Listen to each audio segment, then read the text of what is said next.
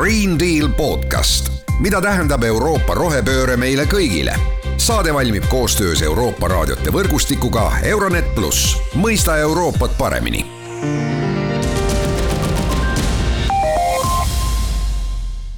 tere, head kuulajad, alustame tänast saadet, mina saatejuht äh, Mart Valner ja tänases äh, saates räägime natuke looduse taastamisest. räägime sellest, mida see tähendab, äh, mida see ei tähenda ja mille pärast praegu see ka üks suur teema on ja, ja oluline on ka Euroopa Liidu tasemel on ju võetud ka vastu otsus, et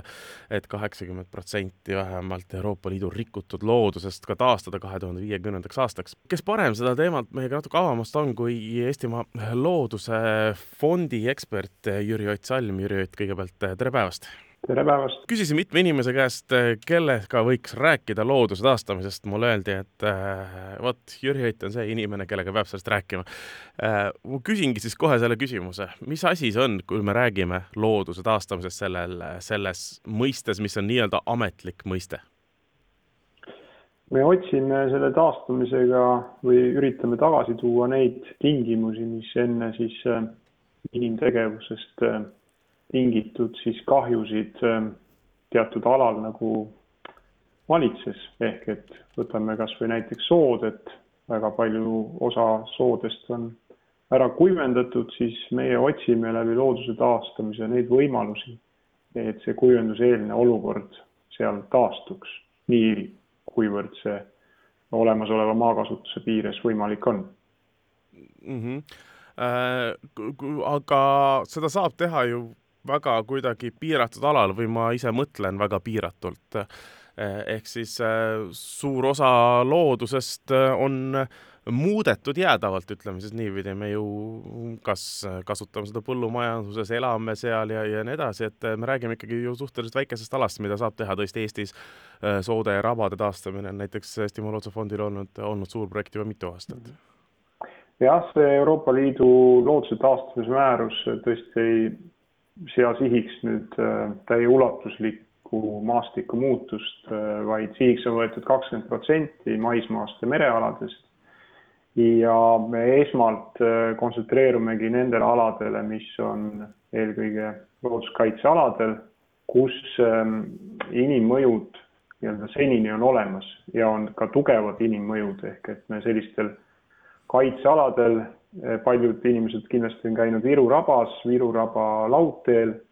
ja, ja selle laudtee ääres on väga hästi näha tegelikult, mis see looduse taastamine endast kujutab, ehk et selles Viru rabas on kunagine jääksoo, seal kaevandati turvast, peale turba kaevandamist see ala jäeti lihtsalt nii-öelda sinna seisma. Ja ei tulnud sinna peale ei metsa, ei äh, sood, veerežiim oli väga madalaks viidud ja see ei toonud tagasi neid tingimusi, mis siis äh, nii-öelda looduse või mingi loodusliku koosluse jaoks seal oleksid olnud vajalikud, ehk et äh, nüüd on seal kenasti näha, kuidas äh, on paisutatud siis äh, kujunduskraavid, veetase on üles viidud ja see sookooslus on sinna tagasi tulema asunud koos talle omaste liikidega, mitte üksnes siis taimeliigid, seal on näha näiteks pilliroogu servades, seal on näha turbasammalt taas tulemas, aga ka seotud äh, linnuliigid. et ähm, et soo koos kõigi oma nii-öelda elementidega siis tagasi pöörduks. ja kui me nüüd vaatame kaitsealast välja, siis äh, väljaspool kaitsealasid on väga olulisel kohal rohekoridor või rohevõrgustik, mis ilmtingimata ei tähenda seda, et me mingi ala täiesti ära lõikame majandustegevusest, noh näiteks metsade kasutusest, aga seal oleksid siis sellised tingimused hoitud või loodud, et näiteks liikumisteed äh, liikidele,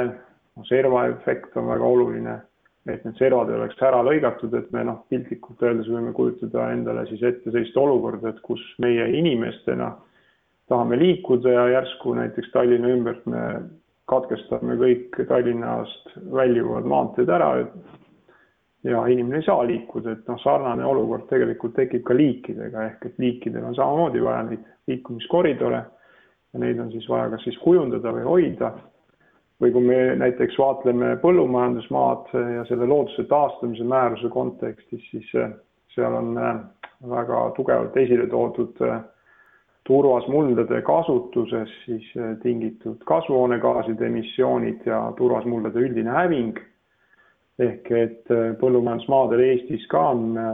ligi sada tuhat hektarit turvasmuldi, mis kuivendatud oludes kiiresti hävivad ja Eestil on see päris suur äh, osakaal ka kasvuhoonegaaside emissioonis, et äh, et see on noh, ligikaudu seal vahemikus viis kuni kümme protsenti. et, et kui meil on ka väljakutse kliimaeesmärkide raames neid emissioone vähendada, siis äh, noh, põllumajandusmaadel näiteks siis veeresiini tõstmine et see on ka üks selline viis, kuidas seda looduse taastamise võimalust näha, aga, aga noh, siin ma kohe rõhutaks ka seda, et see põllumaadel kindlasti ei peaks tähendama seda, et need kasutusest välja jäävad, aga, aga see toob kaasa selle, et meie nii-öelda ootused selle ala kasutamisel põllumajanduses peavad olema sellised, et noh, me peame teadvustama, et nii suurt saagikust me sealt näiteks enam ei saa, aga teisest küljest teised keskkonnahüved nii-öelda saavad leevendatud mm. -hmm. et meie natukene jääb ikka see alatine küsimuse kohta, et äh, keskkond versus, äh, versus majandus jah, et kumb, kumba me eelistame või kumb on olulisem? no ma arvan, et äh, siin seda vastuolu pigem ei peaks nägema kui sellist ähm, noh, suurt siis konflikti, vaid pigem me peaksime hakkama aktsepteerima, et loodust või, või üldse Eesti maastikke või, või noh, mitte ainult Eesti, vaid üldse maastiku kasutust, loodusressursside kasutust senise intensiivsusega me jätkata ei saa või noh, kui me seda teeme, siis äh, me kaotame järjest enam. ehk et me peame leidma sellise majandusviisi, kus, äh, kus äh, see maakasutuse võimalus säilib, aga me peame tegelikult ikkagi aktsepteerima seda või teadvustama seda, et niivõrd ähm, suur äh, tulusus või produktiivsus tõenäoliselt ei ole võimalik vähemalt kõigil maa-aladel ja võib-olla peab kuhugi rohkem kontsentreerima ja mujalt tagasi tõmbama. et võib-olla noh, lihtsalt üks kurioosne näide on, et äh, kui äh, näiteks RMK oma kampaanias Kliimakangelased noh, toob esile, et metsakuivenduse tõttu suureneb siis RMK metsade produktsioon poole miljoni tihumeetri võrra aastas, siis eh, teisest küljest, kui me paneme selle produktsiooni nüüd süsinikku ja vaatleme, et selle kuivendusega tehakse ka töid turvasmuldadel, siis eh, me tegelikult kaotame samas suurusjärgus seda süsinikku või CO2-na siis seda eh, paiskame atmosfääri siis kasvuhoonegaase, mis noh, nii-öelda töötab jällegi kõigi meie nende ootuste ja kokkulepete vastu, mis räägib sellest, et Eesti võiks nagu jõuda siis kliimaneutraalsusele, et, et noh, see on nagu üks niisugune võib-olla kõige niisugusem äh, noh, karmim näide võib-olla sellest noh, vastuolust, et, et kuidas me nagu loodust tahame kasutada, mis see kaasa toob. ja nüüd, kui me selle kuivendusega nagu ei jätkaks senisel moel, siis me paratamatult äh, kaotame selles produktsioonis ja nüüd ongi küsimus, kas me seda aktsepteerime, et kas me aktsepteerime seda, et eh, nii-öelda majandusel on teatud mõttes loodusressursside kasutusel, kui need on eriti elusressursid, et seal on omad piirid aga eh, sellest RMK näitest ma tahakski natukene ka selles mõttes kinni võtta, et kui me räägimegi sellest looduse eh, taastamisest, siis see, et me võtame metsa maha ja siis istutame lihtsalt samas arvus puid kuhugi sinna kõrvale või siis raielangile, see ei ole ju looduse taastamine. see on lihtsalt puude too, istutamine. no too on jah, selles suhtes metsa noh, majandamise üks osa, ega, ega mis siin salata, teatud määral ju see on ka mm, noh, üsna üsna paratamatu, et me mingite puuliikide noh, kasvatamiseks peamegi neid äh, nii-öelda istutama, et alati ei ole see nii-öelda ise uuenev süsteem, aga tõesti, kui me räägime nagu looduse taastamisest ja, ja nendest vajadustest näiteks, näiteks mis äh, on metsade kaitse osas püstitatud Eestis, siis noh, metsade osas nii-öelda taastamise näol me ikkagi väga palju räägime just, kuidas käsitleda kuivendust ja kuidas käsitleda näiteks seda, et siis kas kuivenduse mõju siis konkreetselt metsa elupaigatüüpidele või siis veekeskkonnale. Ehk et kuivenduse läbi ka me kaotame paljusid metsaojasid koos nendele omaste liikidega või noh, kuivenduse läbi me tekitame settekoormust, mis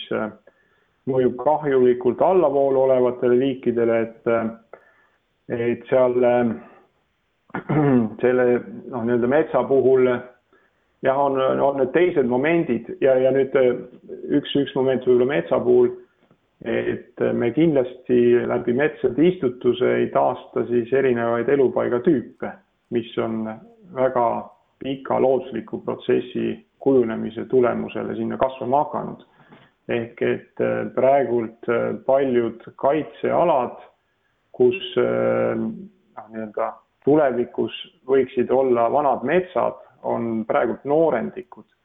ja, ja noh, need noorendikud asuvad siis sellistel sellistes, sellistel aladel, sellistel muldadel, mis eeldatavasti loovad tingimused sinna teatud metsatüüpide nii-öelda taastekkeks. Ja no sellisel juhul me räägime sellest looduse taastamisest või taastekkest noh, nii-öelda väga pikas ajaskaalas, ütleme niimoodi sada aastat. et kõike me kindlasti niimoodi klõpsti, et meil on üks europrojekt ja teeme viis aastat seda projekti ja siis selle tulemusena see loodus ongi taastunud, et seda ei sünni no see, seda suure tõenäosusega küll. aga europrojekt ikkagi tehakse, mis seisus siis see taastamine meil praegu Eestis on? Soode ja rabadega tegelemisest tegelikult me oleme kuulnud juba, juba hea mitu aastat ja Jelfil on tõesti mitmeid projekte, aga kas me tegeleme millegiga veel? no me tegeleme Eestis ähm, siiski ka jõgede taastamisega, et võib-olla hästi suur näide ongi Sindi paisu Äh, siis äh, lammutamine, mis avas siis äh, uuesti need kalade liikumisteed ehk et see on üks niisugune päris suur näide ja sellel on päris suur mõju sellest, et, et need kalad saavad ju liikuda väga kaugele sinna ülesvoolu. no teiste näidete seas on selliseid pisemaid projekte, kus jõgede looklevust on taastatud, näiteks Alamvedja kaitsealal ja on äh, taastatud siis või avatud Vanajõgede nii-öelda soote, siis me räägime poollooduslikest kooslustest, mis on olulised niisuguse elurikkuse võtmes. Ja, ja noh, siinkohal on noh, oluline tähele panna, et poollooduslikud kooslused, nagu ka nimi ütleb, et see ei ole üksnes niisugune ilma inimeseta kujunev protsess, vaid koos inimesega tekkinud kooslus, et, et alati me ei räägi sellest, et kas, kas äh, loodus ja looduse taastamine peaks käima nii-öelda väljapool inimtegevust või mitte, et poollooduslikud kooslused on heaks näiteks sellest nii-öelda sellest koostöövõimalusest. siis äh, kui, kui rääkida noh, näiteks äh, mere elupaikade taastamisest, noh siin, siin ma tõesti ei oska veel midagi nimetada, aga kui me vaatame mere nii-öelda tingimusi või, või mere seisundit, siis noh, me peame jällegi vaatama hästi palju maismaa poole, et mis, mis, missugune reostus näiteks maismaalt pärineb, et seda merekeskkonda nagu muudab, et siis noh, see üks, üks, üks märksõna on jah see, et me maismaal peame üsna hästi toimetama, et merre vähem reostust nagu jõuaks täiesti, täiesti arusaadav. ühesõnaga projekte, mida me teeme, on palju ja, ja see ja need projektid tuleb väga selgelt ja konkreetselt läbi mõelda, et mulle see see mõte, et äh, ühe, ühe euro projektiga me, me loodust ei taasta ja ka tegelikult äh, see, et aastaks kaks tuhat kolmkümmend on mingid eesmärgid, ei, ei ole veel ju äh, nii-öelda üldises taastamise mõttes midagi, midagi selle, selle lühikese ajaga ei saavuta. aga pikas perspektiivis on see kindlasti samm heas suunas. Jüri Oitsalm, aitäh täna selle intervjuu ja, ja mõtete eest teile! aitäh! Green Deal podcast, mida tähendab Euroopa rohepööre meile kõigile. saade valmib koostöös Euroopa raadiote võrgustikuga Euronet pluss, mõista Euroopat paremini